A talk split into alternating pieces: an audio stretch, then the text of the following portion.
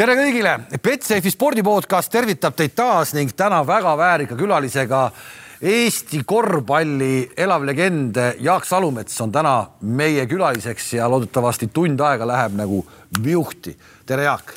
tere, aga legend ma küll ei ole, sest ma olen elus veel. no elav legend, elav legend. okei okay.. kuule, tähistasid alles hiljuti sünnipäeva. no see on et, nii vähe, et. aastad lähevad kiiresti. ja enam ei loegi neid. ei loegi enam nii? ei. Kõige tähtsam on see, kui tervis korras on. no loomulikult ja sul on? no ütleme nii, et äh, ütleme spordidraama on, see annab tunda, aga ma hoian. no need on väiksed asjad. Need on väiksed asjad. muud asjad on korras. kuule, me räägime seda juttu sellel päeval, kui äh, korvpallimaailmas tegelikult tehti ajalugu. me oleme kaheksanda veebruari hommikul, kui äh, sinuealiselt mehelt võttis vähe noorem mees ära läbi aegade suurima punktisumma korvpalliliigas NBA. me räägime siis Lebron Jamesi saavutusest paari sõnaga. Esiteks, kas sa üldse jälgid ka täna veel korvpalliliigat NBA? esiteks ma jälgin aga väga-väga sellis, selliseid meeskondi, kes mängivad ka kaitsest lähtuvalt. et minu jaoks on ikkagi kujunenud, Greg Popovitš on ütelnud, et NBA on praegu tsirkus juba. see on see, kes juhib Sacramento Kingsi praegu treenerina veel, ka minuealine ja ütles, et aga tegelikult NBA-s läheb ikka tõsiseks mänguks alles siis, kui play-off'id on, siis võetakse kaitsega üles ja oskavad mängida küll, kui tahavad, aga praegu käib sihuke, sihuke lõbus asi, et mida ma eriti nagu ei suuda jälgida, pigem mul on euroliigad ja siuksed asjad, vaatan. aga mis puudutab Lebron Jamesi, siis minu, minu nagu öeldakse favoriit on ikkagi see, kellelt ta sellega ära võitis kõik need asjad praegu üle ehk siis Karim jah. ta on sinust poolteist aastat vanem mees. ja, ja te omavahel mängija karjääri jooksul olude sundil ei kohtunud. ei kohtunud. Ja ütlen sulle nii, et äh, mäletan teda, ta oli oma sellise kasvu kohta ja ta oli väga tark mängija.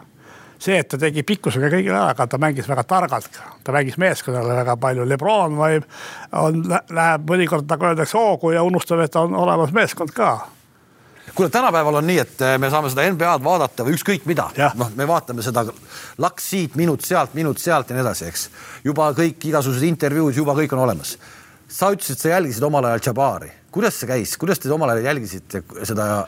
no ega, ega siis sai ka ju, ma käisin ju nagu öeldakse liidukoondusega, N-liidu koondusega Ameerikas mängimas.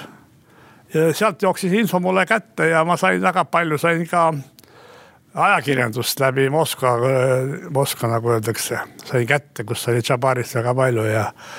aga noh, kõik see, mis nagu ta tegi, see, sa näed ju kahe-kolme ütleme mänguga näed ära, et mis, mis masti mees on ja ta oli tõesti meeskonnamängija.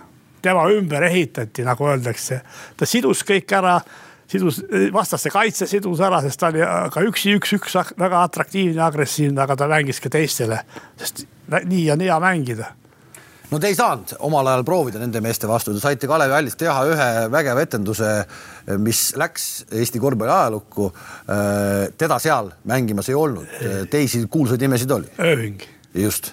ja siis äsja suurt, siis oli tagamees, mis ta nimi oli, kes nüüd ära suri, oli ka NBA treener et äh, natuke saite nagu ikkagi maigu sisse, ma küsin su käest niimoodi. ma võin rääkida no. lisaks veel, et, tegelikult ma olen nende tähtedega, Bill Waltoni vastu olen mänginud, siis Vene N-liidu koondusega. ja päris selliseid, oli sihuke seeria oli kohe kuuemängune seeria oli Ameerikas, kus sai ikka kõvasti higistada.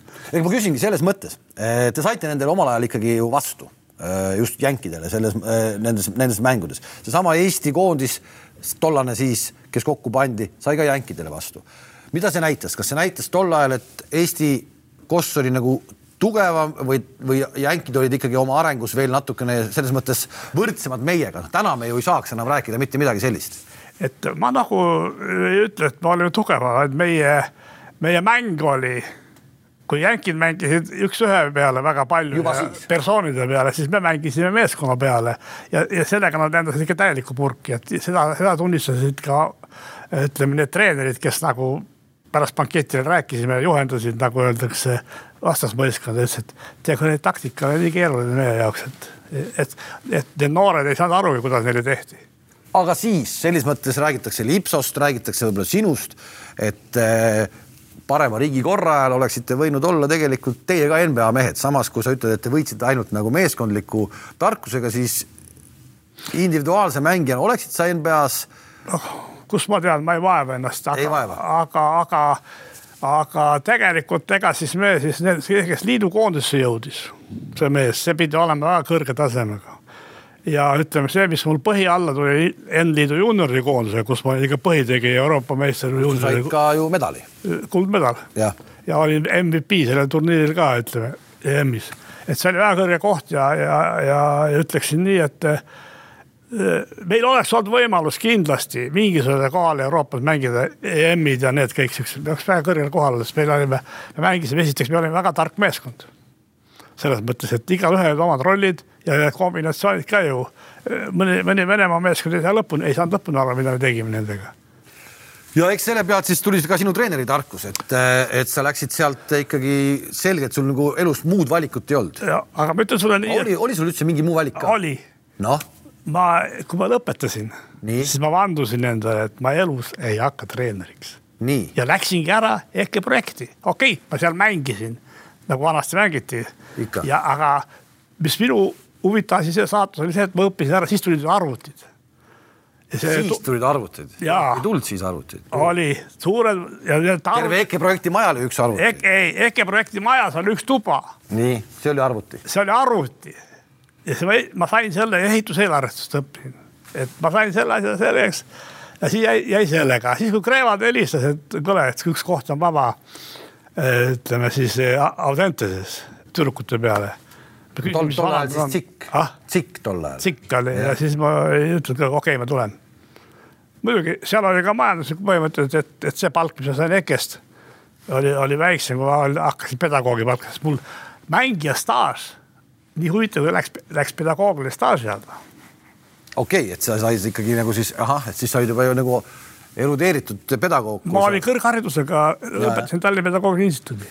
kuule, aga eh, tänase päeva eh, kontekstis oled sina kindlasti üks õigem mees vastama küsimustele sõnaga, sõnale boikott. me kõik oleme näinud nüüd Kalevi filmi, kus see boikoti teema teie puhul oli mingis mõttes ikkagi läbiv, ehk siis Kalevi meeskonna osalemine Nõukogude Liidu viimastel meistrivõistlustel või mitte.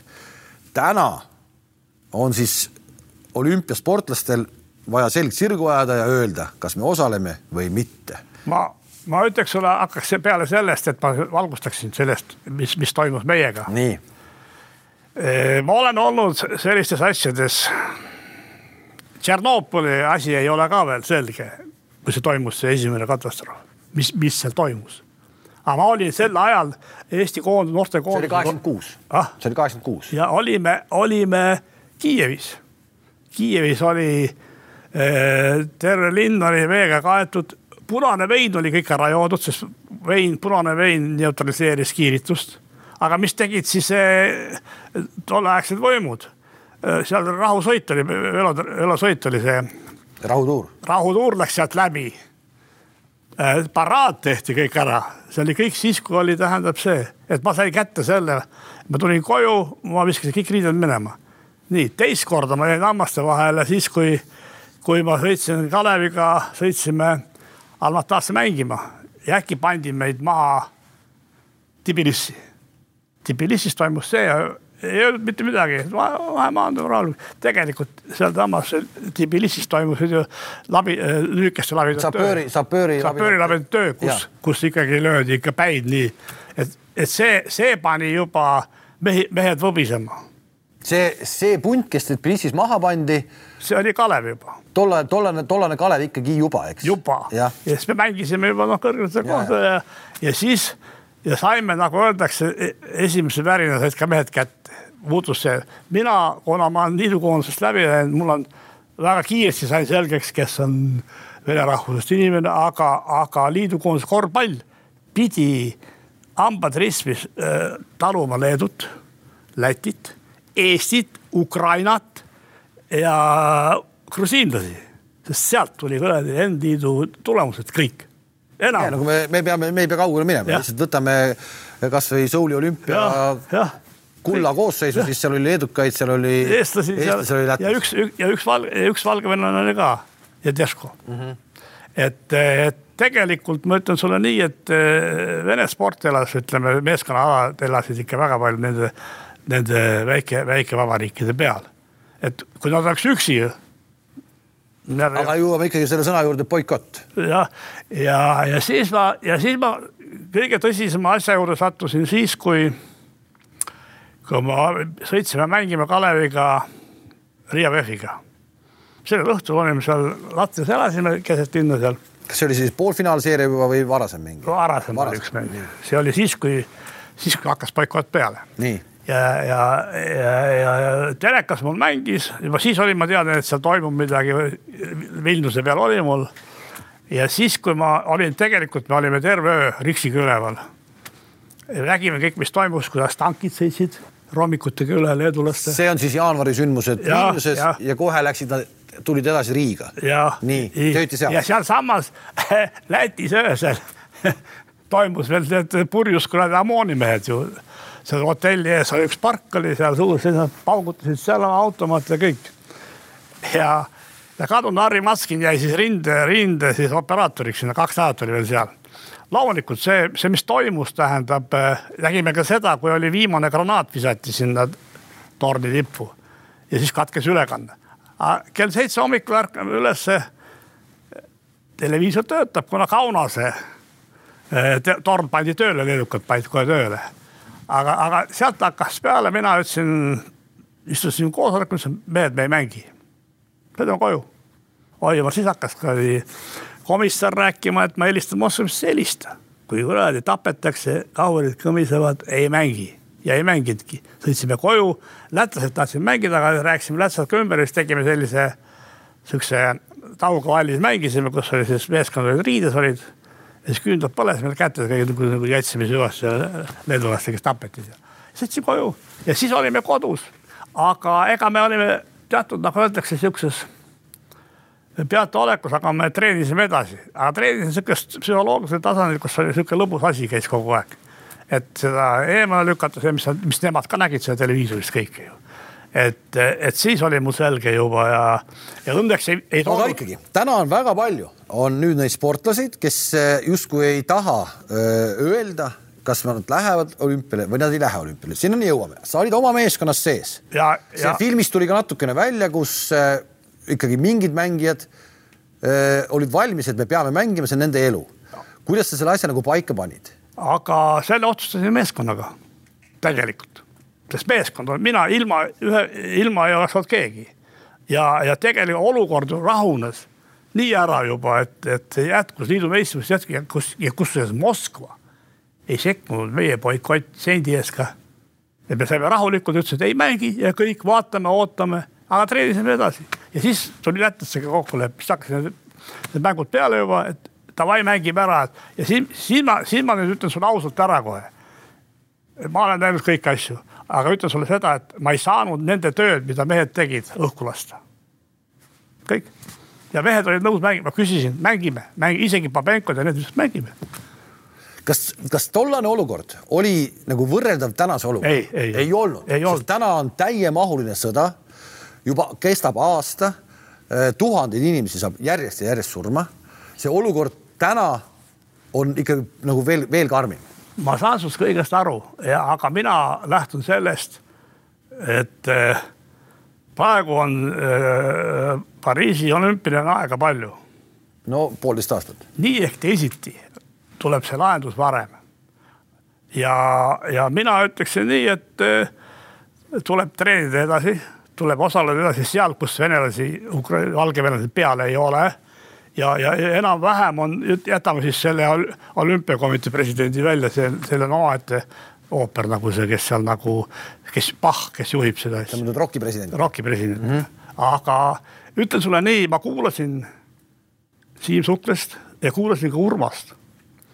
ja, ütlen sulle ausalt, minule isiklikult meeldis Urmase kõne, ta oli nii tasakaalustatud, et, et me, et, et, et, et kuidas me laseme edasi treenida, maailm teeb sporti edasi ju ja meie teeme ka sporti edasi, aga seal, kus on, nagu öeldakse, need mängud, kus on, tahetakse, nagu öeldakse, võtta mängu äh, venelased, valgevenelased, ei lähe sinna.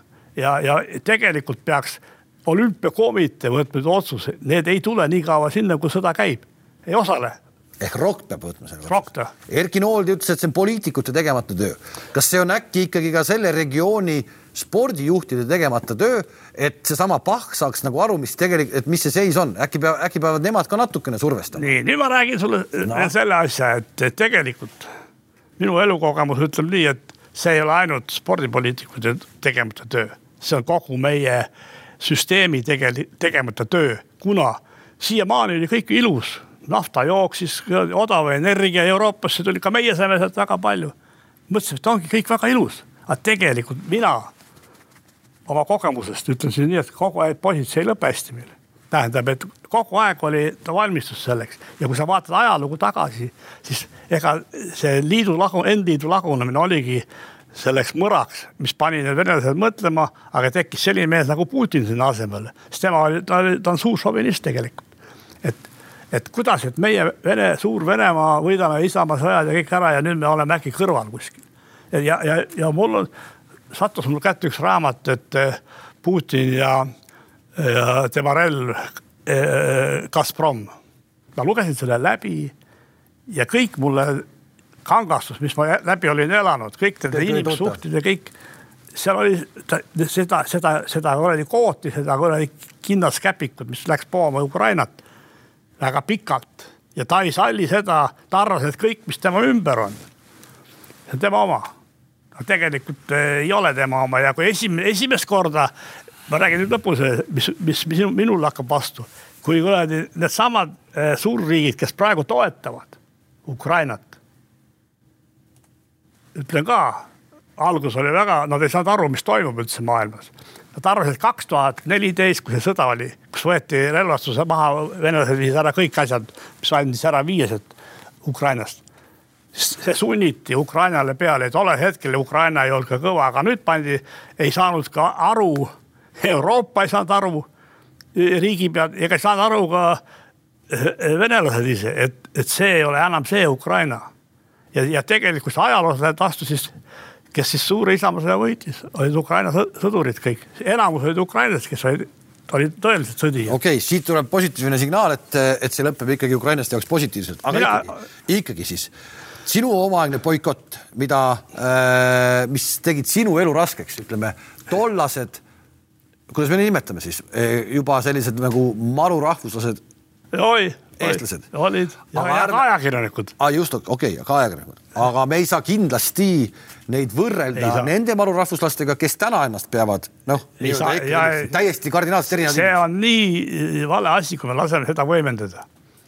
et, et me peame olema, jääma oma asjadele kindlaks, me peame koos minema, nagu öeldakse, Euroopaga, maailmaga, olümpiamängud, kui räägime, siis praegu on väga selgelt öeldud, nad olümpiamängudele peale ei saa, Pah üritab küll praegu, aga Pahil ei ole ka täis, täis otsus käes, sest siin on ju taga on ju kõik suurriigid. no ühesõnaga, kui saavad, mis siis on, ütle jah või ei, kas siis Eesti läheb või ei lähe? ma ei oska sulle seda öelda praegu mina, mina seda, seda küll, aga kui me, kui me võtaksime ära, nagu öeldakse, kui praegu paneksime, ütleme, et me ei, ei osale kuskil mingite asjadega, siis me paneme seisma Epp Mäepa, kõik need, kes on, kes on võimelised olümpiatulemust tegema, kõik need aga praegu pole ka otsustanud, et tulevad, praegu neid ei pea seisma panema. Aga kui me ütleme välja, kui me ütleme välja selle, et kui neid lastakse peale, siis me ei osale, kas me teeme sellega kellelegi liiga? ei, me liiga ei tee, aga see oleks liiga radikaalne sõnum, aga me ütleme väga selgelt välja, kui lastakse peale, siis on teine jutt. aga siiamaani ei ole ju midagi arutada meil veel, ei ole veel. Mina saan aru seda, et, et siin on ka tänapäeval, ma ütlen sulle, räägin, räägin poliitikast, Eesti poliitika, valimised tulevad. Ära unustage seda, et seda kasutatakse praegu ära valimiste asjades no sa ise oled poliitikas olnud. ja ma olen praegu ja mul on praegu selge, sest mul, mul oli võimalus parimas riigikaitsekomisjonis olla, mis oli parlamendis riigikaitsekomisjon, mis hõlmas sõda, sajandust, poliitikat. see oli kaks tuhat seitse. majandust, neli aastat istusin seal, ma sain sellise kõrghariduse endale läbi nende koolituste ja kõik, mis ma käisin välismaal koolitamas no siis äh, on, ma küsin su käest, kui juba läks nii poliitiliseks, ma küsin su käest siis lihtsalt selle Nursipalu teema ka ära. Nursipalu on vaja meil äh, teha. kaks tuhat seitse olin ma kolm või neli päeva olime, Mati Raidma oli riigikaitsekomisjoni esimees, istusime Nursipalus. juba siis taheti teha sellest, äh, et nagu öeldakse, harjutusväljakut. aga tollel hetkel oli seis selline, kus sõjast ei olnud veel lõhnagi, aga ja siis äh, sõduripoisid ütlesid, et meil on harjutada vaja. aga tol hetkel nad ei kasutanud, see harjutusväljak oli olemas kogu aeg seal, nad ei kasutanud seda. sest põhiliselt relvastus seisis seal üleval kõik seal põhjarannikul ääres. Nad seda kasutasid, nad ei viitsinud sõita sinna ja ei olnud ka maailmas. aga miks seda täna siis nagu vaja on, miks nad, kas täna, täna on hädasti rohkem vaja kasutada või? seda. kas see on ainult polügooni mõttes see Nursipalu või on see midagi suuremat? no minu, minu, ma ütlen sulle väga selgelt ära, mis mina olen analüüsinud seda ja ütlen sulle seda, et ütleme siis välja, et see on kaitsetsooni loomine, sest sealt, kui sa vaatad, kes vastas on Vene piir, kannatavad Võru, kõik kannatavad ja sinna tuuakse siis need kõik, mina, minu nägemus on see, ma võin eksida, aga see on kaitsetsooni loomine. tegelikult, tegelikult see on nagu polügoon on lihtsalt nagu kattevari sinu arvates? jah, sest ma, minu, minu elukogemus ütleb seda, ma olin kaks tuhat seitse olin sellega seotud, mis toimus, õnneks rahunes maha. aga praegu, praegu ikka väga raske on inimestele seletada, kui nad on elanud sada aastat oma, oma, oma taludes seal ja, ja veel, veel laps, vanemad ja vanem, vanemad ja kõik, et, et ma nagu, et, et kui me tahame midagi teha, siis me peame andma väärtusliku rahalise katte vastu neile inimestele. tundub loogiline. et see on, see on see, mille vastu praegu riik ei tahtnud, riik ei taha maksta nii palju, kui te tegelikult see asi väärt on. sest küsimus ei ole ainult selles materiaalses poole, küsimus on selles, et need inimesed on elanud seal ja kui sa võtad, ütled, kuule, võtame viis asja ja me anname sulle ilusa koha vastu, et anname majaehitusele, aga tegelikult tema koht on seal, tema, tema jalad on seal maaküljes. Kuule, lõpetame selle poliitika jutu seekord ära et.... aga, aga ühesõnaga, et no. rahulikult töötame edasi ja siis, siis, siis võtame otsuse, aga praegu ei pääse ikkagi mitte keegi peale suhteliselt. väga vähe. praegu veel, veel ei saa jah ja.? võib-olla selleks hetkeks, kui see saade meil eetris on, võib-olla siis juba on rohkem teada, kas pääsevad või mitte, aga, aga vast ei ole ka. kuule, aga sa ise äh, treenerina, kui tulid äh, liidu meistriks ära, tundus, et kõik piirid on lahti ja su tipuks jäigi võib-olla siis välisklubidest Žalgiris. miks ma selle Žalgirise teema võtan, sa nuusutasid seda Žalgirise lõhna koos Gert Kullamäega aasta või kaks? aasta. aasta, tulid ka Leedu meistriks ja, ja, ja oligi kõik. aga ma räägin sulle, mis eelnes selle, et sinna kutsuti üldse. üheksakümmend kolm me tulime Euroopa kuuendaks. nii, sealt tuli Vaik-, doktor Vaiksna oli siis juba siis, kes oli siis alguses oli salgise arst, eelnevad aastad, oli nüüd selle omanik ja juhtis seda ringi, ütles, et, et asi on Jaak, tule, tule tööle. ma ütlesin aastaks, sest kui ma sõitsin sinna, Leetu, siis Einikus oli parajasti politseis sest ta oli pannud ühel politseinikule, sest see oli. ta oli politseis nii-öelda trellide taga, mitte et ta ei olnud politseis tööl. ta oli pannud kellelegi pasunasse. et, et, et alkohol ja see oli niivõrd ebakindlus sellel salgirisel, et ma sain täpselt aru, mis nad tahavad must. Nad tahavad äh, renoveerida seda meeskonda. löö kord majja. jah, löö kord majja ja siis vaatame edasi äh,. no mul jäi üks asi jäi pooleli, mis mul jäi kripeldama seal türklased mängisid ka natuke mulle ämbris sellised kohtunikud ja, ja mängisime türklastega, mis kuradi sats oli nüüd, FS Pilsen siis sel ajal. no tänane Anatoolu FS. Anatoolu jah, kodus saime kuueteistkümnega kindlalt. jääb kaks minutit mängida, me juhime Türgis. võõrsil. võõrsil kuueteistkümnega, seitsmeteistkümnega kogu aeg ja üks itaallane kohtunik siis, ma, ma kunagi nagu kohtunikega nagu, sealt tehti lihtsalt ära mulle, meeskonnale. Ja võitsime viieteistkümnega, meil oli vaja seitsmeteistkümnega võita, nii tehti, vilistati. Ja pärast ütles, ma tundsin seda FS Pilseni presidenti. ütles, et Jaak, et vabanda, ta oli mängija, minu ealine, et Jaak, vabanda, meil oli seda võitu. Ja ma ütlesin, et hea küll, sul oli vaja, aga miks te, miks te jäbematult tegite? niisuguse itaallane tegi ja see, see lihtsalt me ei olnud tol hetkel koteeritud veel. Ja ei olnud valmis, ütlen sulle ka, et me ei olnud valmis veel nii suurt mängu mängima, aga ma olin juba murrangu teinud. Et nad hakkasid treenima, kui ma räägin sulle. kes seal satsis olid, mängijatest, kes oli kõvad nimed, sest et viis, viis aastat, viis aastat hiljem tuli Žalgiris Euroliiga meister. viis aastat läks mööda. aga no need ei olnud, need ei olnud küll enam. nii, seal polnud kedagi enam. no oli küll, mõned olid veel, aga nad ei mänginud nii suurt rolli. aga tähendab, oli see Atletas oli, kus äh, Leedu lõi sellise tulevikutiimi, kus oli Ilga Auskas ja Stomberg, kõik kogu see sats, kes oli ja me saime karikasse ju tappa nende käest. ja, ja noh, kõik no, tegelikult ega rahvas oli ka Atletase poolt juba kõik, ilmselt mitte nende see Leedu. Atletas oli ju tol ajal siis Kaunase teine sats ja ta oli Leedu teine sats oli. ei, Kaunas, ta oli ka Kaunase sats. ja, ja oli ju. ja ja seal olid kõik need noored kokku korjatud.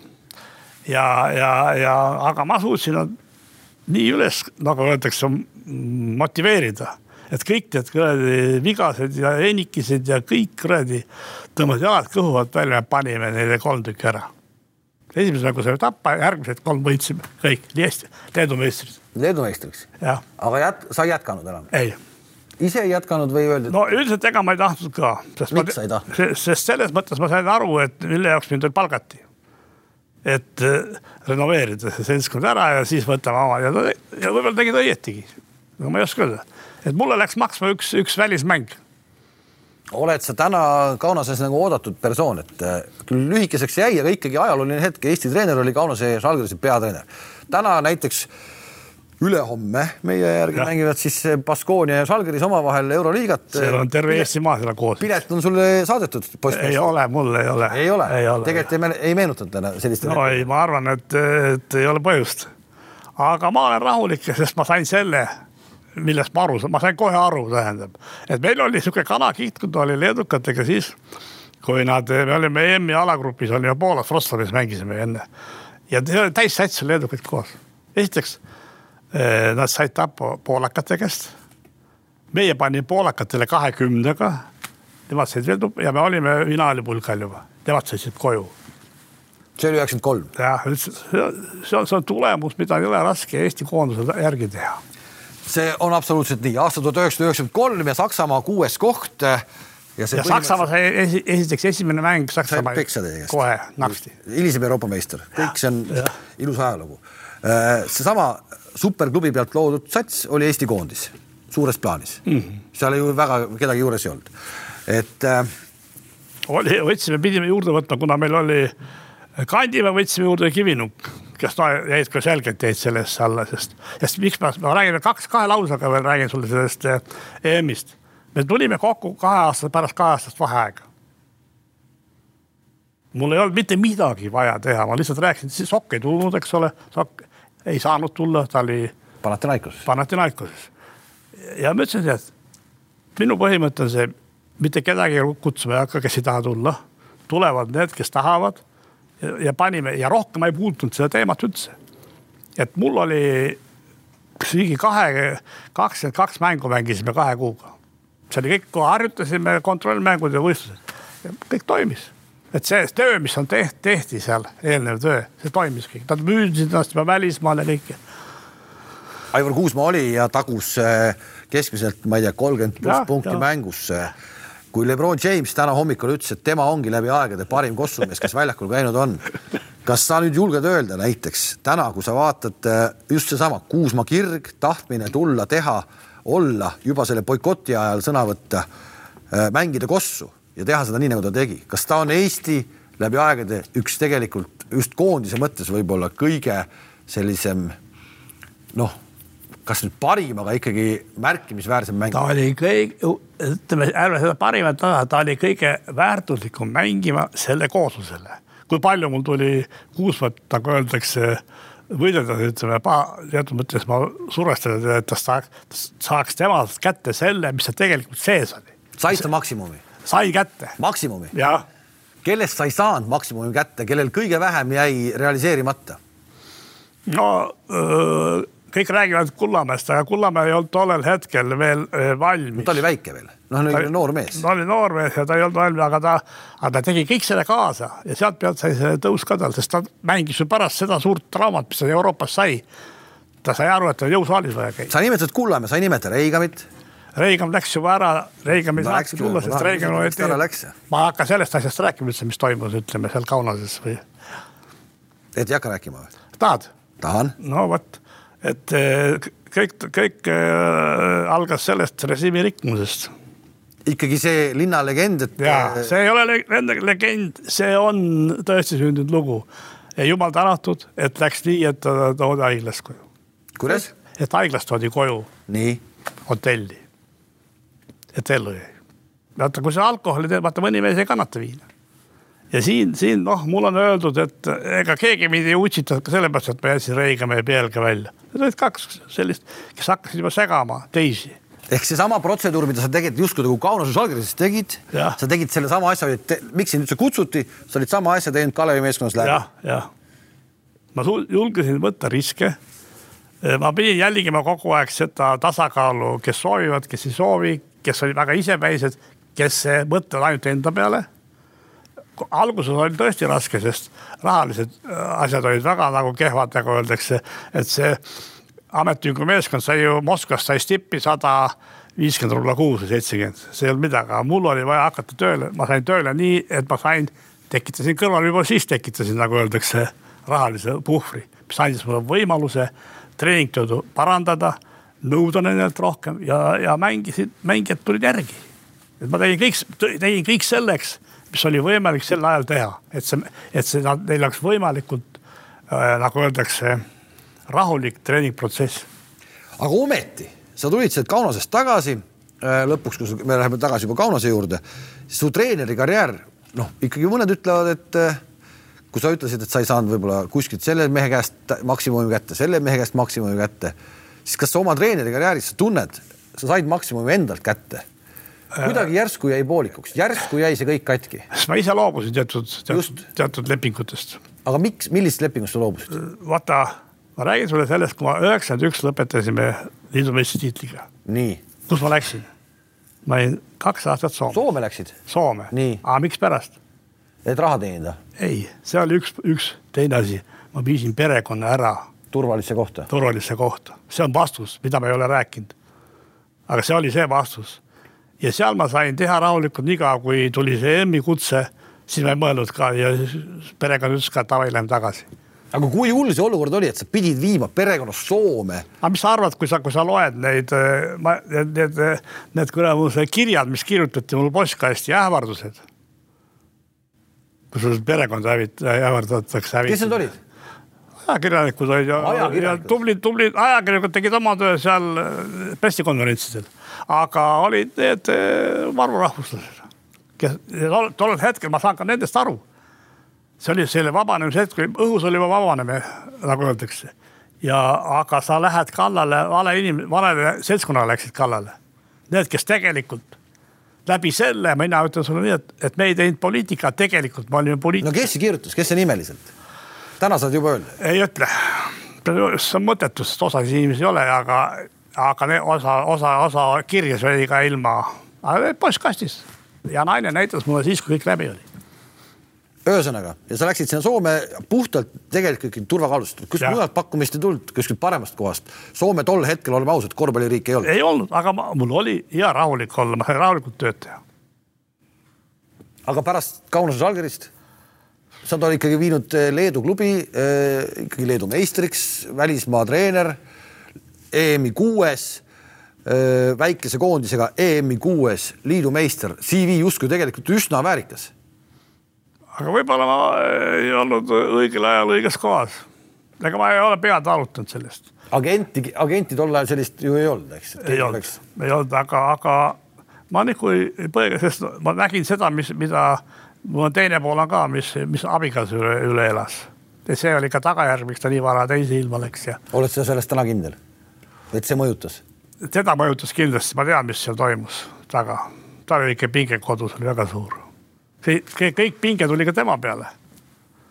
aga noh, ma nii palju, kui mul võimalus oli, ma hoidsin, hoidsin neid eemale, aga ikkagi tuli, tuli no,. ajakirjanikud äh,, pean ka tänama neid negatiivses mõttes, väga tublid olid, jutumärkides Neid oli omajagu tol ajal. sest see viimane, viimane asi, mis oli, mis, mis lõpetas üldse mul ajakirjanikega, nagu öeldakse, selle sõja ära oli koosolek, kus siis äh, ajakirjanikud olid koos.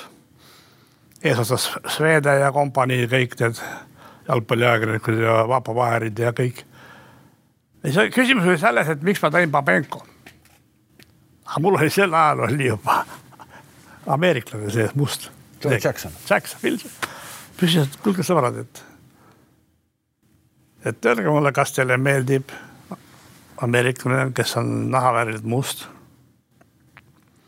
tuleb sealtpoolt tuli ja ta on nüüd Venemaalt, kes oli vigane, keda, keda Vene riikliga kauna või siis see,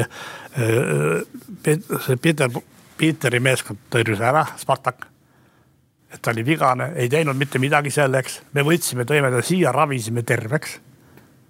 Ja, ja siis nad, siis nad hakkasid, et, et, et see ei ole enam eestlaste jõuk. ma ütlesin, ma olen ajast ees. järgmine aasta tuli kohe, kui ma tulin Eesti meistriks või liidu meistriks, see seltskond jaotati laiali ära ju. mäletad, Kamee ja Paradiisid ja kõik need olid ju, noh. kuhu, kuhu see kuradi see, see korvpall kaob ära ju, aga ma ütlesin, et teate mehed, minge peesse kolm punkti tõusid üles, läksid ära, sellega lõppes, rohkem ei püütud mind, aga sinnamaani käis kogu aeg. oled sa nagu andestaja tüüp ka või kuskil midagi ikkagi jääb lõpuni ma andestan, aga ma jätan meelde kõik. ikkagi jääb meelde kõik? ja ma andestan, et ei ole mõtet ennast piinata. sest ega paljud inimesed ka läksid, jooksid kaasa ja ei saanud aru sellest ja nüüd on tulnud ka, mõned on rääkinud, et kuule, vabandust, mis sa vabandad, et see oli sel ajal oli elu selline. kuule, sa oled ajast ees, sa ütlesid tol ajal, sa olid ka ajast ees, terve Kalevi meeskond oli ajast ees. ka Riho Sooniku, kes istus siin pingi peal, tema töö oli mingis mõttes tolle aja ajast ees. kõiki asju neid tehes, natukene ajast ees. kõik, kõik see seltskond, kes mul oli selles tiimis, arstid, mul olid, olid nõelraviarstid, mul olid, kõik olid mul olemas. mul tõime, tõime Ukrainas käisime toomas neid laser, laserravi, neid väikseid, neid, mis väiketraumasid maha võtta ja kõik. leidsime raha. jalakas sõitus Kiievis ja tõi kaks laserit ära. jalad terved, mul suuri traumasid ju kui selliseid väga palju ei olnud. no rahu, rahu, see Riia Vehvi ja Aivar Kuusma draama oli ikka väga. see, see või? see oli minu jaoks oli kuni sinnamaani suur Äh, kui tähendab, äh, ma koju sõitsin üksi, teised autodega panid koju ja ma bussis sõitsin üksi, mõtlesin, et kurat, kas siin on pees. ütleme siis, kas siin on jama majas, et. sa siis Riia, oota Riiast panid kõik autodega koju või? ja me tulid autodega, noh. või sõbrad olid ju Riias, sõpra, sõpra, sõprade autodega läksid. ja sa läksid bussiga? mina läksin bussiga, mõni, mõni mäng oli veel. ja mõtlesin, kas tõesti, kurat, see töö, mis me oleme teinud nüüd autis, aga, aga ma nägin, mis trauma see oli see võis valus olla kõik, ta kukkus siia peale, aga ta pandi jalule ja noh, seal olid süstid ja kõik muud asjad, eks ole. kas tol, mina mäletan veel kord, kui me juba oleme selles, et oli see imearst Joala tegi ka mingid oma. ja, ja, ja Joala, Joala lasin juurde kõik. Heiki Krimm oli mul nõelraviarst, kes, kes, kellega endal oli koostöö. et see kõik, see tiim töötas ja sellepärast ma ütlen, et et ei ole välistatud ükski asi, mis annab võimaluse inimesel psüühika paika panna. kõik hakkab psüühika parandamisest, nii kui psüühika jookseb paika, nii hakkab ka keha tervenema.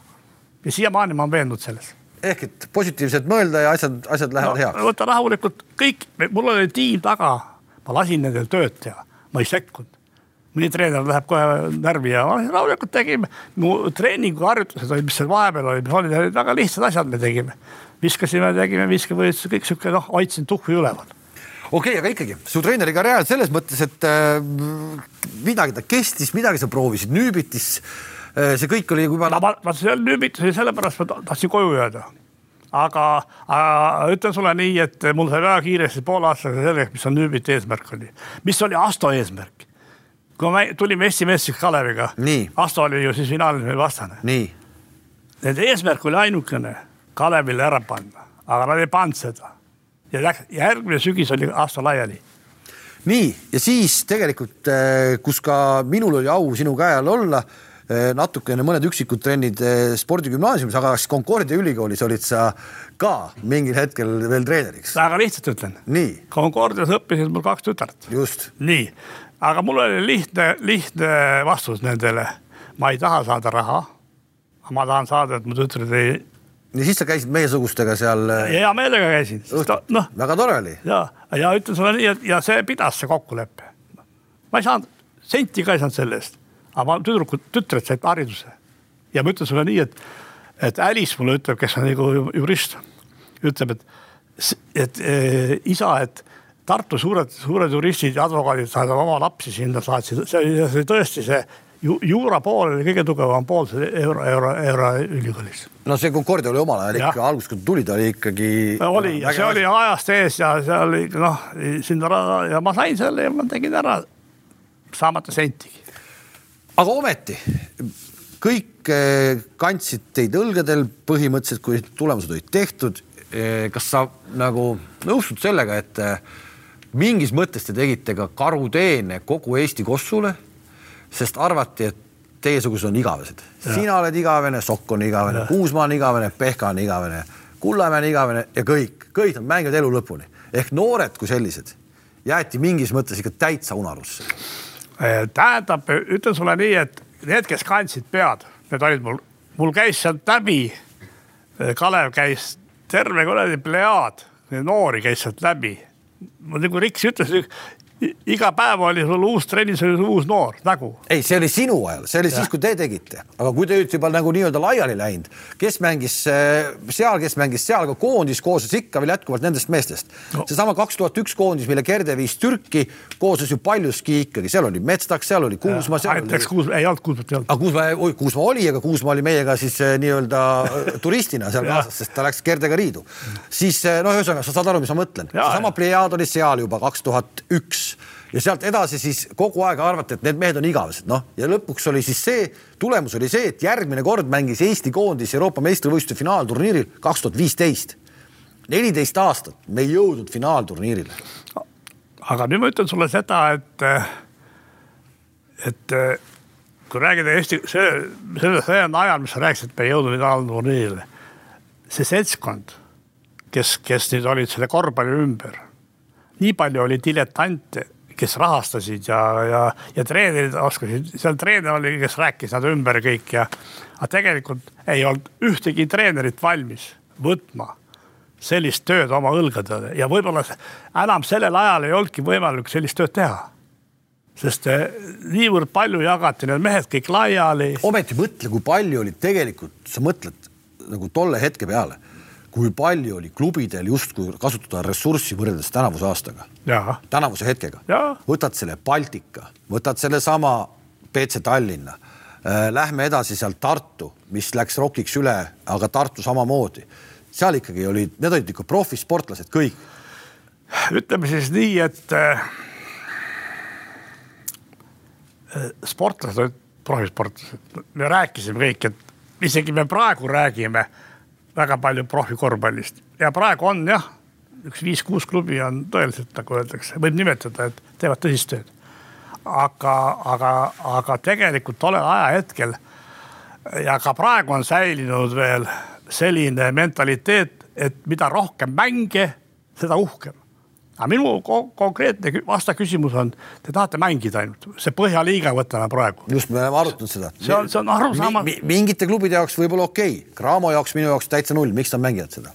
aga Cramo ütles seda ära, et, et nad ei teadnud, tähendab, et mida nad saavad, vähe mänge. mõtlesin, et kõige, mina küsisin kogu aeg nende mängijate, treenerite käest, et kuulge, öelge, mis on odavam.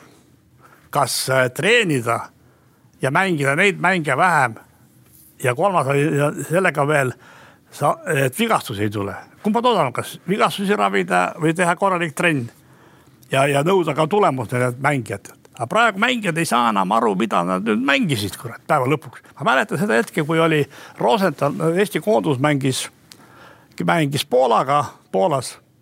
öösel kell kolm istus ta lennukile lendas Lä Lätti, et mängida see põhjaliiga, mis on see põhjaliiga, selle, see mäng ära ja see oligi tühida, ta, ta nii noh, et, et see ei ole, see ei ole normaalne.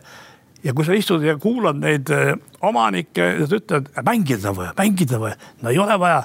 Neid mänge on nii palju, et enam pealtvaatajad ei suuda enam jälgidagi neid mänge kõik on õige, mäng ei ole, vanasti oli ütlus mäng, mängupäev on pidupäev, tänas enam nii ei ole. ei ole, ka siis juba, kui hakati need mehed, mehed laiali löödi, oli ka ja, ja kui sa mängid ühel ajal kõik, sa isegi ei suuda eh, läpakast vaadata neid mänge.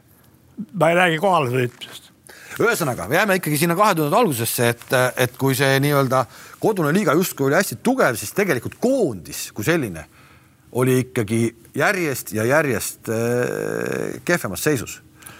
ja see oli see hetk, kus minu arust, kui me ütlesime, et sa käisid üheksakümne teisel aastal ja seal olid lahtis Soomes, et Soome ei olnud mingisugune kossuriik, siis sellel hetkel hakkas see asi nagu mööda minema meist. see päädis sellega, et täna on meil Eesti koondise peatreeneriks soomlane Jukka Toiala. väga minu jaoks sümpaatne vana, nii kui mäletad, kui, kui see nimi välja tuligi, ma, me rääkisime sinuga telefonis ja. ja ma ütlesin, kuidas ta üldse oli nõus siia tulema, et mismoodi see oli kuidas ta oli nõus siia tulema, et sina oled ju ka selle taga kuidagi olnud? olen taga jah, ja, ja, olin ka siis taga, kui oli küsimus, kas teha uus leping või mitte leping, ma ütlesin, mehed, mõelge. See, ta, see, mis ta tegi selle lühikese ajaga, ta lõi sellise sideme nende mängijatega. mängijad austavad teda. see, see korvpallikodu, mida mõned treenerid meil naeravad, tegelikult seal ei olnud ainult koondise mehed, seal olid ka noored seal nad käisid mitmes koosluses, käisid seal Nad tegid tööd, nad said kokku, nad hakkasid hingama ühte õhku. See on kõige tähtsam, et, et see, et sa, et sa teed neid trille ja harjutad ja see, kui sa lood nendest ühise tiimi. ja see, kui sa vaatad, kuidas Jukka praegu ümber maailma käib, nende mängijatega kohtub, räägib, klubidega räägib, tal on ülevaade olemas. ta elab kakskümmend neli tundi seda. ütleme nii, et siis kuule, et nüüd ütleme, et kuule, me ei tee sinuga lepingut et sul ei tulnud tulemust, see tulemus oli maksimum, mida, mida Eesti koondus tegi. Äh, võib-olla isegi mõningis mõttes nendele noortele mängijatele hea, et ma, nad said, nälg jäi sisse. nälg jäi sisse ja Oleks ma olen. kahe, kaks võitu kaheksa hulgas, siis tundub, et tuleb liiga lihtsalt. ja, et mina olen seda meelt, et alati peab olema kogu aeg nälg sees, kui sa mäletad, see Tartu Rock parimatel aastatel, kui nad seal Küpros oli, seal käisid mängimas Nad olid nelja, nelja hulgas, nad said neli kaotust. küsimus ei olnud, juba siis hakkas see ebaprofessionaalsus peale. Treener võttis kaasa mängijate sunnil. vanemad või need naised, perekonnad. noh, ja sinna ütleme, läkski see minuga ei oleks see juhtunud. ma, minu juures käis Tartu pärast seda kaks või kolm korda rääkimas ja Aaviksed ja kõik, et te, te, te tahate teha sellist tahate Kalevile ära panna, see ei ole eesmärk. Te peate saama, kui tahate saada Kalevile ära, siis peate saama esimeseks, peate tugevaks saama, peate harjutama sest Tartu Kalev, Tartus oli ju väga hea korvpallikool, aga treenerid hakkasid ära kaduma juba. et nüüd me jõuame selle ringiga jõuame sinna, kus on tegelikult kõige suurem jama, on treenerid. treenerid meil ei ole enam sellised ja praegu see süsteem, mis, mis nagu kuidagi nagu üritab neid õpetajaid, treenereid vee peal hoida. sest kui sa vaatad seda, esmaspäevast reedeni nad teevad tööd lastega kolme-nelja koha peal. reede, laupäev, pühapäev mängivad. esmaspäev tulevad tagasi, mõni vahepeal alkoholi ka tarvitab. ja et see, noh, loodan, et ei tarvita. aga, aga see kõik sööb neid ja palk on selline, me tõstsime praegu, tõstsime õpetajate palka nelisada eurot ja siis võib-olla tõstavad ka lasteaiakasvatajate palka veel, aga tegelikult kui palju on laste, lapsed treenerite käes, see treener on paha sõna, treener õpetaja on hea pedagoog, ta, nad on pedagoogid, me nõuame nendelt treeneritelt kõrgharidust, nad käivad, koolitavad. aga praegu vaatad seda, et tasub ainult koolitada neid, kes tahavad alla alustada treeneriteks, seal väga selgelt kiiresti tehakse selgeks, et see ei ole meie, minu tulevik. Sest see ei anna mulle ei, moraalset ega materiaalset kindlustunnet tuleviku jaoks. sest see ei ole ikkagi see, mida me, mida me tahame, aga me üritame igasuguseid variante teha, kui vaatame neid raha jagamiseid ja kõik see, ma ise istun ka selles komitees, et, et näen, et noh, et enam noored ei pane ennast, nagu öeldakse sinna kohta likku, et nüüd sealt ma tulen ja teen. tegelikult ega siis treeni, sellised treenerid kes teevad tulemuse ja vaatavad Euroliiga mehi. ega neid ka palju ei ole treenereid, häid treenereid ei ole ju, nad käivad ringi aga juurde ei tule, kurat, sellepärast et. no seal on erinevaid jutte, seal on nagu erinevaid jutte, et seal on, ütleme, on selline jutt, et see on nagu Serbia maffia, kes ei lase kuidagi ligi ja nii edasi ja nii edasi. aga et noh, seal mingid vennad ikkagi ju eh, on uued tulijad ka no.. no väga visalt tuleb, aga ütlen sulle, et mul on hea meel, et tuleb, et nad toovad, mulle see, see Rojas meeldib ta on hoopis teist tüüpi, Taat, kes äh, Baskonia poiss. Pelaroia. Pelaroia jah, vabandust. Et mulle meeldib see. aga kuidas sulle meeldib, vaata, huvitav, sa olid ikkagi omal ajal, see, kui sa, kui sa olid omal ajal treener, sa olid ikkagi nagu kärts ja mürts, sa olid väga selgelt ikkagi selline noh, ütleme Obradovitši stiilis mees oh,. väga selgelt olid, olid. Toiala täna, näiteks kui me võtame Toiala, on absoluutselt vastand sellele. aga ometine toimib see ka. toimib. kas sina täna oma temperamendi ja olekuga üldse saaksid olla tipptreener enam? Äh, äh, ütleme, ütleme siis nii, et ma räägin selle, selle enda teise poole ka ära ma tegin suu lahti ainult siis ja põrutasin, kui oli põhjust. aga muidu ma hoidsin neid mängijaid kahe käe peal, sain aru, tähendab, mis tööd nad teevad ja mis raha eest teevad. minu, minu jaoks on olnud kõigepealt see, et ma pean säilitama nendel, nendel sellise väärikuse väljaspoole, et nad on ikkagi, nad teavad, mida, mille pärast nad teavad ja nad teavad ka seda. Nad ise on öelnud, mille pärast nad Salumäes need nagu suu lahti tegi, vale, ütleme, mõnikord vale koha peal, aga tegelikult ma ise olen mängija ja ma tean. tähendab, kus ma saan suud lahti teha, kus ei saa. paljud asjad lasin läbi, ma teadsin, et, ma ei suuda muuta seda. aga paljud asjad ma rääkisin ka ära riietusruumis face to face mängijaga Need, need asjad. kas, aga võib-olla sellepärast seesama Obradovitš on nii edukas ikkagi, ta on nii edukas. samamoodi ütleme Saras Jassikevitšus, eks noh, ta ei ole veel täna Euroliigat võitnud, onju, aga ta jätab ka ju tohutu mulje, aga samas ikkagi mängijad noh, alati on erandeid, eks Galatase näol alati on erandeid, ei meeldi, siis ei meeldi, aga suures plaanis ikkagi mängijad ju teda austavad. aga tead, mikspärast? nii. Ta on suur mängija olnud minu, minu tugevus oli ka see, et ma, et ma olin liidukoolses, käisin läbi mängijana. see oli minu tugevus, ma sain kõige, kõikidega, noh, ma sain aru, mis siit võtta, sealt võtta. ja ma, ja ma väga palju äh, nagu öeldakse, Tihhanov, jäähokitreener, liidu jäähoki, keda ka vihati. kes tegelikult hindas mängijate tervist väga kõrgelt. et see on see, kui mul seda mängijat ei ole, siis, siis, siis nagu öeldakse Äh, siis mind ka ei ole. Ja tal oli probleeme, jäähokis juuakse, joodi väga palju, juuakse praegu ka veel, aga isegi sellepärast ei karistanud neid, ta tegi trennid vähe karmimad, ega mul oli ka see. Trenn oli väga karm, esmaspäeva hommikul ma teadsin, kes kuskil käis. kuule, kärakapanek on, äh, sa oled nii palju sellest kärakapanekust rääkinud täna, et noh, visanud sisse siit lause, sealt lause.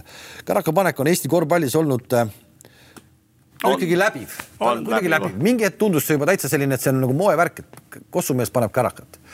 ma olen siin varasemate kossumeestega just tänaste nagu mängijatega rääkinud ka, mulle tundub, et see, see põlvkond enam ei ole päris. ei ole, ei ole, ei ole, see on juba orienteerunud nagu tuleviku peale. noh, see ei ole täielik orienteerumine tuleviku peale, vaid mõned üksikud, kes on saanud selle marjamaale, juba tunnevad, et, et see kärakas ei ole see asi, mis, mis, mis, mis mind üles, aga nad ei osanud Nad ei osanud ennast maandada, ega meie ka panime kärakat, minu põlvkond. ei no absoluutselt, no pärast teie põlvkond suurem, noh veel see paar, paar, paar põlvkonda veel pani kärakat. No. aga, aga see enam ei, ei, ei, sest aeg ikkagi muutub ja ega ma ei saa öelda nüüd, et, et see treenerite töö ja see kõik on, on, on, on progresseeruv positiivses suunas. aga ikkagi tähendab, me ei tee veel seda tööd, mida tähendab, peaks tegema.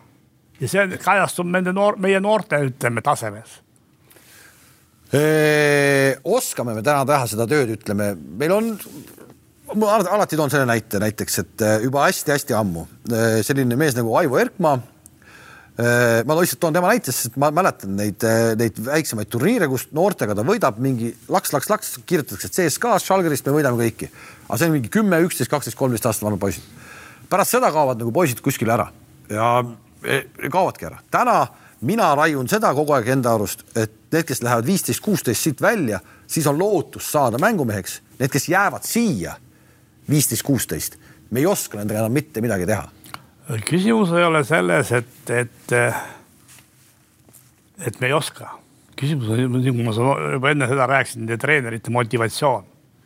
sest kui sa rääkisin, et olen ka selle koolituse osas olen sees, tähendab, mis toimub et, et tasub tööd teha praegu esim-, kolmanda, neljanda, viienda kategooria noorte treeneritega.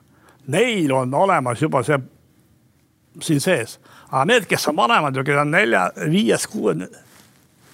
ei õpeta, ei õpeta. ei, nad ei õpeta, nad ei tööta enam ja teine asi veel on see, et et, et kui sa näed, et kes veel tööd teeb, on noh, Märt, Jaanus võttis oma kutid sinna seal Haapsalus. no see on see õige või? No ei ole õige, ei ole no, normaalne, ei ole, aga, aga midagi, midagi, et, et ainult me ei saa süüdistada neid eh, inimesi, kes nagu tegelevad selle treeneriga, siin süsteem ei ole soodustanud üldse kuradi eh, laste kasvatamist läbi spordi.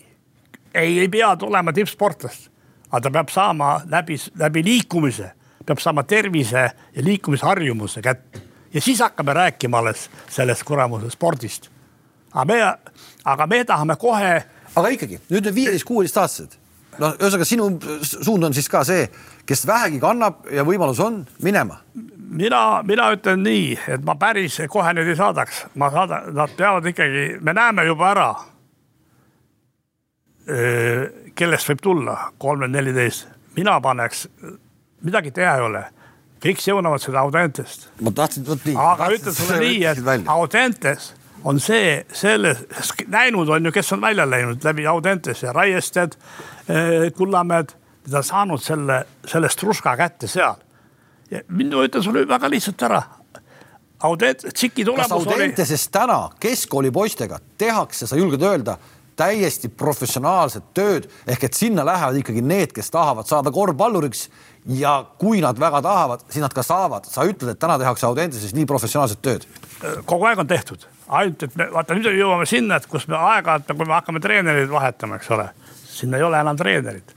meil ei ole, seal enam ei saa olla puhas lastetreener, poistetreener, seal pead juba andma selle nuusutada ka nendel seda äh, karmi treeningut, nagu öeldakse, tõsist tööd. Rauno Pehka oli seal aastaid ja minu arust ta kogu aeg, mitte kogu aeg, aga aeg-ajalt ta kogu aeg pidi kurtma teemal, et ma pean ennast tõestama, et ma ikkagi olen treener ja see oli väga lühikene aeg, kus ta pidi järjekordselt mingisuguse komisjoni ees andma aru, et ta on treener ja nii edasi. ta oli kõige kauem oli seal koos Ovariga, oli nii. treener, et eh, tegelikult eh, minul ei ole Raunole mitte mingeid etteheiteid aga, aga seal on selline, see on jällegi see riiklik, riiklik seadus, kui sa oled kolm aastat ära teinud, siis toimub nõnda nimetatud see no mis iganes, no sa pead tõestama.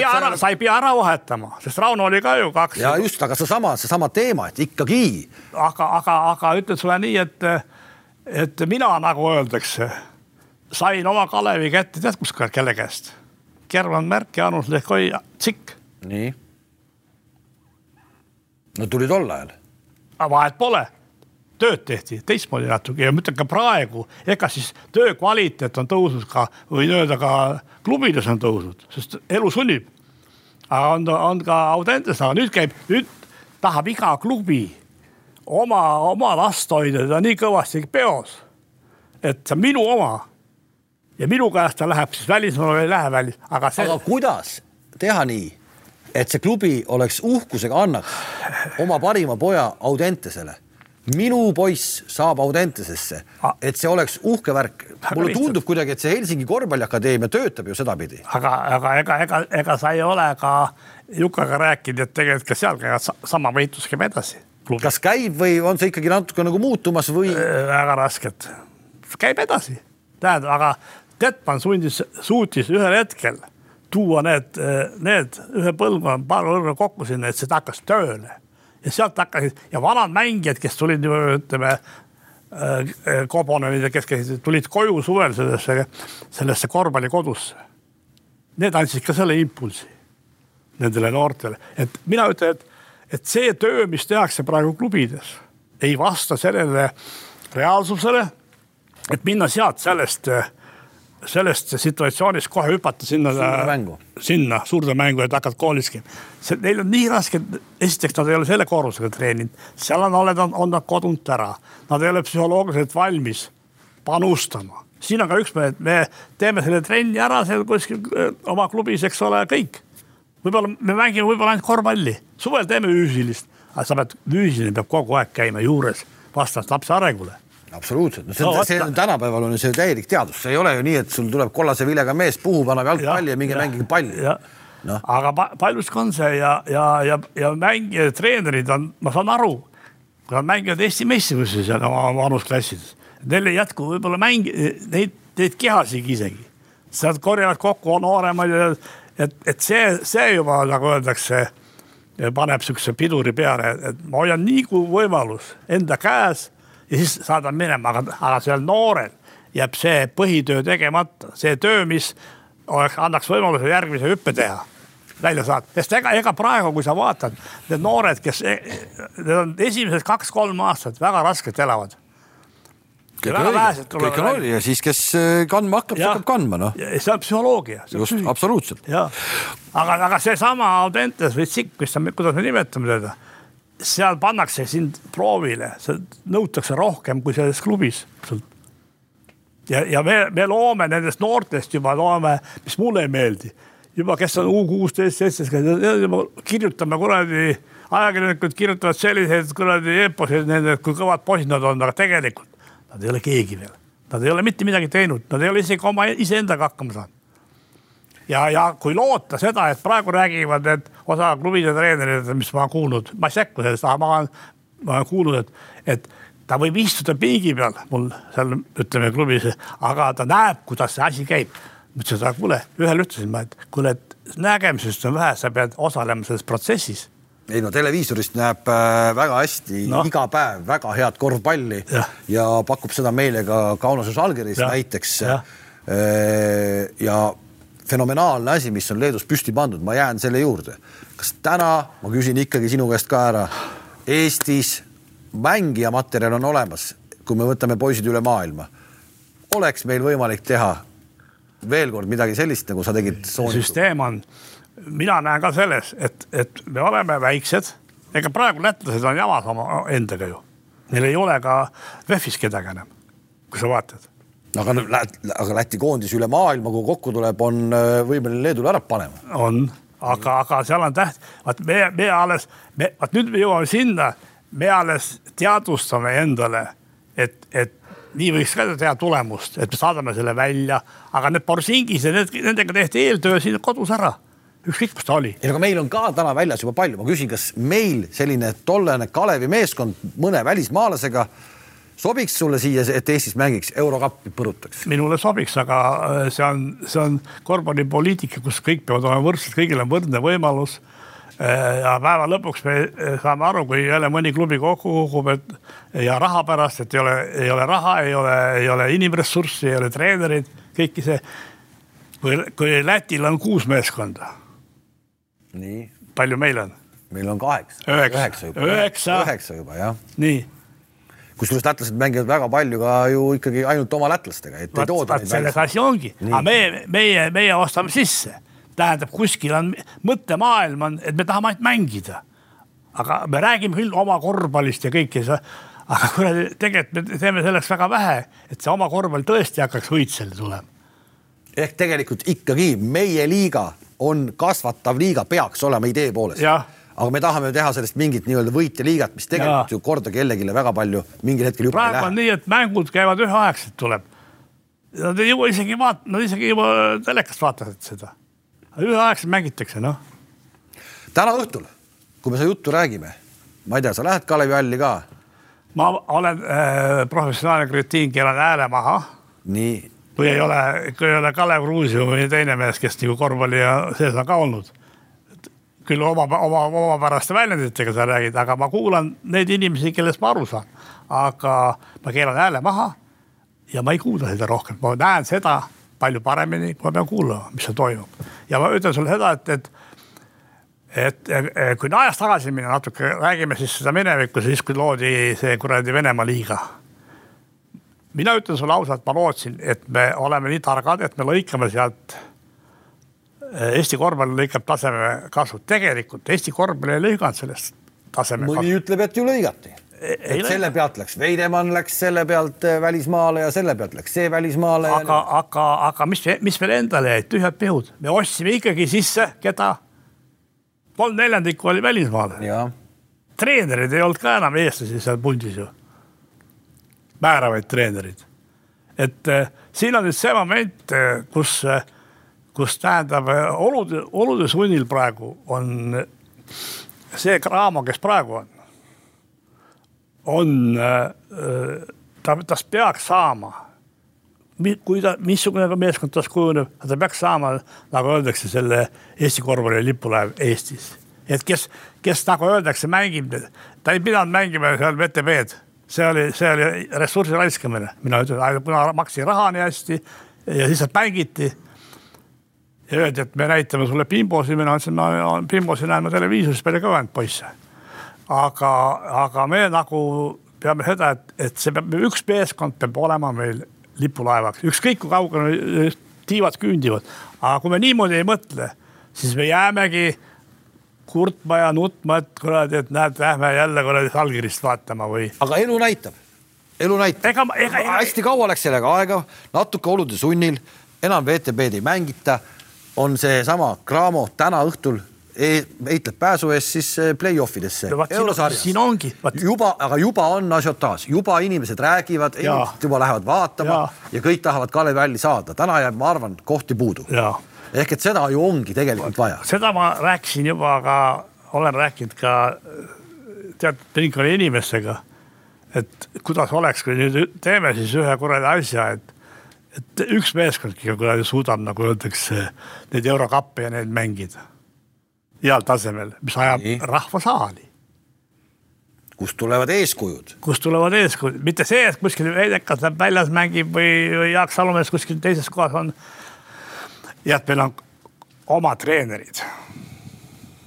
praegu, ka see on väga tähtis, et see treener on, ütleme, eestikeelne, eestimeelne seda, see, sellest ei saa paljud need inimesed aru, kes seal ümber on. ma ei taha kellelegi liiga teha, aga peale sind äh, nii suurte Äh, pagunitega treenerit ikkagi vist Eesti korvpallis olnud ei ole. ära üle tähtsusta. no ei ole. Äh, nüüd noh, sinna ka veel põkk maha minna, aga kas Rannula sinu silmis on see mees, kes Eesti treenerite nii-öelda äh, noh, ütleme siis lihtsalt lippu kõrgel, kõrgele hoiab või kõrgele viib? tal on kogu aeg olnud see, nagu öeldakse, Barsseli kepp õues see kaheksa aastat, mis ta tegi Pärnuga, see on tema töö, tema suutis muidugi noh, ega, ega me suutsime ka õiged nupud sinna sponsorid ja need paika panna ja sealt tuli ta ja tegi, tegi ikka head tööd ja ütlen sulle nii, et tas on, tas on iva. Aga vaata, mis mina, ma räägin oma rikutusastmet, ma ei, ei, ei kritiseeri mitte kedagi. ma olen see mees, kes mängib võimalikult lihtsalt korvpalli. kui sa vaatad ka Euroliigas, mis lihtsad asjad, pick and roll ja sealt hakkab kohe hargnema. ja mängisin, see oli Kalevi tugev, et me mängisime võimalikult lihtsalt korvpalli. ja, ja siin on nüüd see mees, et võib-olla Eiko, Eiko peaks nagu ja siin on ka noor, teiste noorte treenerite nagu probleem, et nad joonistavad igasuguseid skeeme. Mõnel on kuradi terve papka skeemid täis, aga sul ei ole neid mehi, neid nuppe, kes seda skeemi sul ära täidavad ja siis on, siis on, nüüd peab, see on kasvamise koht. julged, julged sa öelda, et Tiit Sokk oli üks neist, kes, kes ka võib-olla tegi liiga keeruliseks selle mängu? Tiit oli ka väga akadeemiline, mina tegin palju lihtsamalt. aga, aga Tiit oli see mees, kes jagas väga hästi neid, ta oli tark mängija, ta äkki mängijate nagu väärtust. Aga see skeem hakkas, tal läks, jooksis tal kokku mõnikord, et ta ei kasutanud kõikide mängude, mängijate omadusi ära. aga Tiit oli üks targemaid treenereid, kes ja nüüd jõuame ühe vahemärkusena veel, et mille, millest me ei ole rääkinud, et siin on Juka Toiala väärtusest. Juka Toiala on kakskümmend neli seitse seotud Eesti korvpalliga. Ülejäänud, ka Tiit Sokk oli, ülejäänud treenerid, kõik, olid rahvuskoondise treenerid, olid, olid akendega treenerid. ehk siis akende ajal tulid tööks, ülejäänud tegid midagi muud. ei saa olla, sa pead ühe, ühe ja tema, tal on pandud ka ülesanne, tähendab äh, suhelda äh, klubidega, ta käib kõige madalamates klubides käib vaatamas. käibki ju, käibki. ta käib vaatamas ja, ja see on tema töö. ja temal on kõige rohkem informatsiooni, ma väidan praegu seisundites. et, et need asjad peaksid olema paigas ja see ongi Juka, Juka eelis ja ja kui siin ütleme siis see lepingu see uuesti sõlmimine oli, nagu öeldakse, väga venima hakkas, siis ega. miks ta venima hakkas, kes siis pidurdasid? ma ei oska öelda seda, aga mul oli niisugune tunne, et otsiti midagi muud. aga võib-olla ma eksin ja annaks jumal, et ma eksiksin, aga, aga õige inimene sattus ikkagi sinna otsa tagasi. Kaks tuhat kakskümmend viis peaksime me- kõigepealt kvalifitseeruma Euroopa meistrivõistluse finaalturniirile. sest see, see asi ongi, tähendab, kui sa vaatad, me tegime selle, selle sina olid seal taga, kes tegi siis selle kava, et kaks tuhat kakskümmend viis peab olema maksimumtipp peame olema maksimumtipus ja jutud käisid siis, et kaheksa hulka jõudmine. ja, ja, ja, ja, ja see on reaalne asi, aga nüüd tähendab seda, et, et vaata, mängijad lähevad tippu, eks ole, nüüd on vaja see U kuusteist, U seitseteist, U kaheksateist, U kakskümmend tuleb, sealt me saame juba, aga me oleme jälle kuradi selles kuradi augus nende, nende satsidega et see noortetöö ikkagi ei ja kui keegi räägib, et need, need arenevad hiljem välja, see on see kaitserefleks nendel mäng-, treeneritel, kes, kes ei, kes ei tee korralikult tööd. ehk me, sa, sa pead silmas nüüd seda jaanuarikuist kasvõi seda, Kas või see- kas see- see... koondist, seda, kus Eesti tegelikult me saime ikkagi tappa ja, ja, ja ma jälgisin terve suvi, ma kõik vaatasin, kõik need U kuusteist, U kaheksateist mängud, rahvuskoondise mängud ja ka tüdrukute mängud vaatasin üle. no me oleme, sealt tõusis mul kuradi see kuradi kukraga hakkas kõlisema, kurat. me jälle oleme maas, sest rong liigub palju, see Euroopa rong liigub palju kiiremini, kui meie liigume, me ka liigume, aga me aeglaselt liigume et meil on nii palju muutusi vaja teha ja, ja, ja just üks asi, kui ma, kui ma, kui ma veel tulin, istusin praegu seal Tallinna spordikomitees ja jagasime siis noort raha ja kõike seda ja mõtlesin, et me paneme, me oleme üks koma kolm miljonit ja kui ma vaatan seda, kellele me jagame, kui palju jagame. meil ei olegi lapsi nii palju sihukest, et, et me, meil kaob see kuradi eh, pind alt eh, ülevaade ära, kelle, kellele tasub panna ja kellele ei tasu panna no sa oled tegelikult juba, kui sa EOK sisse võtsid kõvasti sõna teemal, et meil on kuuskümmend neli, tol hetkel oli, ma ei tea, alaliitu kõik tahavad natuke raha saada, aga samas Ega- ega mõne see-, mõne kontori ust tahtmine- ei ole kümme aastat lahti keeratud, võetakse ainult raha vastu. kõik, kõik see tahtmine jätkub, aga ma ei ole nüüd see mees, kes kritiseerib aga see on minu nägemus, et meil ei saa olla nii palju neid asju, mida me tahame teha eestlasel üks komme ongi, tähendab. kõik, mis uus on, me võtame omaks ketas või mis see on, kõik need, kõik need uued tegijad, uued tulijad, kõik tahavad raha saada ju aga päeva lõpuks ta e- heidab seda diski ja siis ta kaob ära ja, ja see ei anna mitte midagi. ta, see on, see on nagu öeldakse sihuke, sihuke surnud, surnud ring, millesse nagu me ei suuda seda katki lõigata. me peame andma sinna, mis toodab meile, mis on meile omane. sportmängud on meile omased. võrkpall, korvpall no ütle jalgpall ka välja, jalgpall jalgpall. hakkab, hakkab tulema, vaikselt tuleb, olen nõus, aga jalgpall on ka teatud asjade küüsis veel. mille küsis siis? selle küüsis, et ta nagu on väga enesekeskne. ja, ja seal on veel see moment, et ega jalgpall ei ole ju teistel aladel ei võrkpallil ega korvpallil konkurent. ta võib konkurent olla jääokis, sest seal on no, see kasvuvahe ei ole nagu öeldakse, ei mängi nii rolli, aga korvpallid nõuavad ikka siuksed noh, võrkpall, kus sa vaatad kaks kümme, kaks kaheksa. sellist võrkpalli ma vaatan hästi, hea meelega, kus mängitakse maailma tasemel, ise olen ka mänginud võrkpalli, must tahaks nüüd võrkpallur saada, aga sai hoopis korvpall. et selles suhtes ma nagu, me, me jagame seda väikest Eestit nii paljude asjade vahel, et meil lõpuks ei ole, vaata, on tühjad pihud ainult ja midagi ei ole meil. kõigile natukene. kõigile natukene, päeva lõpuks ei saa keegi midagi. nii on. kuule, kui sa nüüd peaksid ikkagi sellise isaliku mm, õpetusega andma, siis eh, anna Toialale, mis Toiala valesti siiamaani on teinud sinu nägemuses?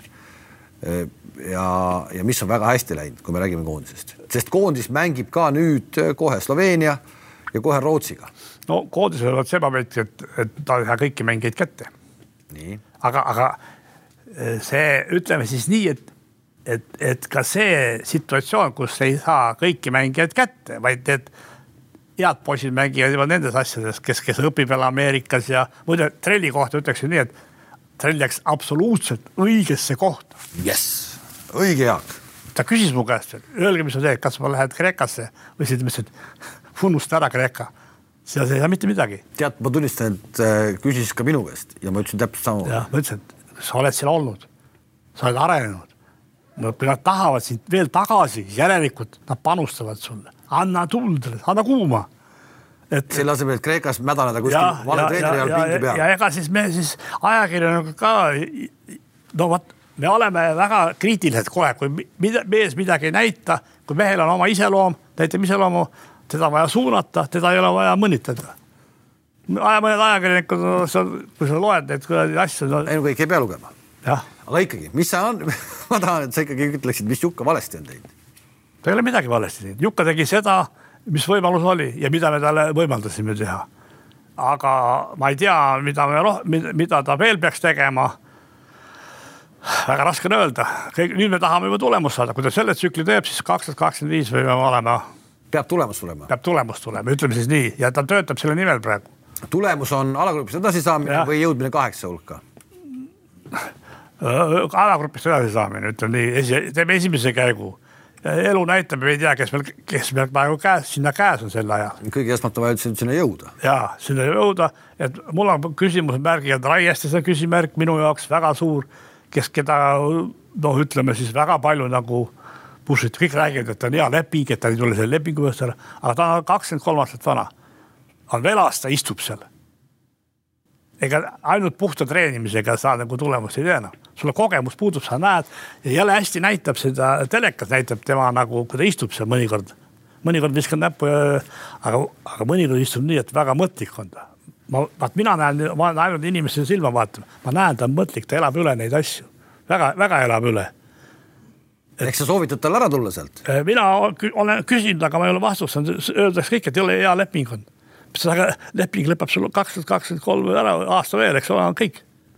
Siis enam ei taha midagi, tal tuleb probleem juba Eesti koonduses, ütleme, pääseda põrandale, sest sealt tulevad kohe need peale juba uued poisid. trellist rääkisime äh,, Raiestest rääkisime. Kotsar, nõustud, on äh, ikkagi täpselt tegemas täpselt seda, mida me ootame. euroliigas põhikoosseisus ei saa midagi ette. ta põhirotatsioonis ja mitte midagi öelda ei ole, ta teeb omad asjad ära, mis tal keha lubab ja, aga ta on väga tark mängija. Ta on väga tark, kui sa vaatad, see liikumine on nii ratsionaalne, aga kogu see, see Baskonia mäng, kui tema mängib, käib läbi tema. Need katted, pikk and roll'id ja kõik on tema sees on seal ja söödud ka veel ta oskab sööta. Kullamäe on õiges kohas või mitte, Kristjan ma räägin siis. Kristjan oleks pidanud ammu kaduma sealt ära, ma ütlesin, et Gert. Hispaaniast või? jah. nii siis ta, ta istus seal, küll oli treener süüdi, eks ole, alguses oli treener, siis läks see treener ära. Tule ära, sa saad praegu kuradi sellist mänguaega ja see on tark treener, kes juhendab seda LED-kaabelist. ehk ta on õiges kohas. ta on õiges kohas ja ta teeb praegu, vaatamata selle, et meeskond võidab või kaotab, ta teeb oma mängud ära ikka, oma kakskümmend silma, kaks kõige, ta isegi lauapalle võtab, sest treener pani selle asja paika, ta selle koha peal, kus pallid põrkavad kolm meetrit lauast põrgad, enamus palle, ma rääkisin oma mängijatele, mis te ronite selle laua alla, pallid põrkavad kõik sinna kolme meetri peale, sealt võtke, üks mees peab seal olema ja Gert oligi seal kogu aeg või Kristjan tähendab. Ger on äh, Arizona ülikoolis, hoopis teine koht, hoopis teine keskkond, hoopis teine maailm. Äh, nii mulle kui sulle ilmselt natuke võõras maailm, aga tundub, et päris sünge maailm. Äh, on õige koht? absoluutselt õige koht, kui ta, ta iseloom on juba selline isa oli ka sihuke vinske vana, tead. et ta ikka ei andnud järgi ma mäletan, kui oli Nüübit. Ma räägin siukse ajaloo, võin ära rääkida. kui me mängisime finaalmänge Tartuga, siis noh, seal olid noored kuked juba kõik, Pilverid ja kõik, siis mindi kuradi finaalmängude eel Tartuga. me karika võitsime ära ju tol ajal. nii, aga mindi kuradi ööklubisse, dekoteesse. sinu käe all minu käe all, sest ma sain alles teada seda siis, kui seal käidi juba. aga kes ei läinud dekoteesse, ei käinud Kriisa. Räägime siis Valmost. Valmost, ei läinud, tähendab äh, see. kurat, tähendab need mängijad, kes olid Kalevist tulnud, ei käinud seal, neid oli kolm tükki, ei läinud sinna. aga ülejäänud kutid, noored, saimegi tappa meil läks, reaalselt oli hea sats meil. ehk siis tahad öelda, et Kriisa äh, nii-öelda läheb isa jälgedes? Ta on oma, juba isa jälgedes välja kasvanud. oma iseloomust ma mõtlen. iseloomust, iseloomust jah, ta on Minski vana. mulle meeldib ta ja las ta olla, las ta olla selline noh, sihuke kirega mees mängib ja, ja peabki kuradi näitlema ka natuke. see on see, kui sa vaatad, tema mänguaeg on ju kõige pikem, ta ei pea sul tegema seal kuradi skoore ja kuradi seda. ta teeb oma kohe kuni kümme silma ära, aga ta, ta läbi tema käib need mängud ja tema juhib seda seltskonda ja kuulavad kõik teda. suured mehed platsi peal okei okay,, kuule, ega ma oskan, oskagi kuidas midagi küsida, sest et me oleme rääkinud täna nii poliitikust, sõjast, poliitikast, sõjast kui su karjäärist kui, kui ka Eesti korvpalli olevikust ja minevikust ja tulevikust. korvpall on, mina, ma arvan, et teeb oma sammud ära ikka ülespoole. ainult ülespoole? jah, et aga me peame ka leppima ühe hetke selle, kus me nagu öeldakse, jääme seisma, koondame ridu, teeme kohe korrektuure. annaks jumal meile tarkust et siis edasi liikuda, sest praegu on kõik eeldused olemas, et. kas sind täna ikkagi alaliidus veel kuulatakse või, või on sul lihtsalt nurgas oma diivan ja pakutakse kohvi, aga rohkem midagi? ei, ma oma, mul oma diivanit ei ole ja ma istun kodus, joon kohvi ja vaatan. aga ei, mul on kõik, kõik, kõik on korras, ma ei pretendeeri millegile väga palju ja kui mõni küsib, siis ma vastan ja, aga ma vastan nüüd, ma vastan mitte enam poliitiliselt, ma vastan just, mis korvpallile kasulik oleks sporti ise ka teed veel? tennist käisid mängimas või? ei, tennis mul ei ole, olin, aga ma olin noores, aga ma teen, tegin mul näiteks jaanuarikuu. neli nädalat oli lumetööd, per neli tundi päevas panin, viis, viis päeva nädalas. lund lükkasid? lund lükkasin, treening ei ole hea vorm on tead. ja siis ma käin kepikõndi teen ja, ja jõusaal on kolm korda nädalas, et ma olen spordiga nagu öeldakse. sina peal? ikka kohe, ega vaata, öeldakse nii, et vanad targad ütlevad nii, et, et kui sa ärkad, tõused ja siis pead kohe rakud stressi panema. keha koosneb rakkudest. rakk peab saama stressi ja õhtuni välja ja siis heidab puhkama. ühesõnaga, laseme siis rakud stressi, läheme nüüd siit kõik sportima ja õhtul puhkama. ja meie läheme õhtul vaatama siis Cramo mängu ja loodame, et Cramo saab edasi. oleks tore küll. aitäh sulle, Jaak, et sa tulid. väga tore oli sinuga rääkida ja head tervist sulle ning äh, kaks tuhat kakskümmend viis lähme siis vaatame selle ära, kuidas Eesti koondis jõuab kaheksa parema hulka Euroopa meistrivõistluste finaali. raske aeg juba kaks tuhat kakskümmend viis.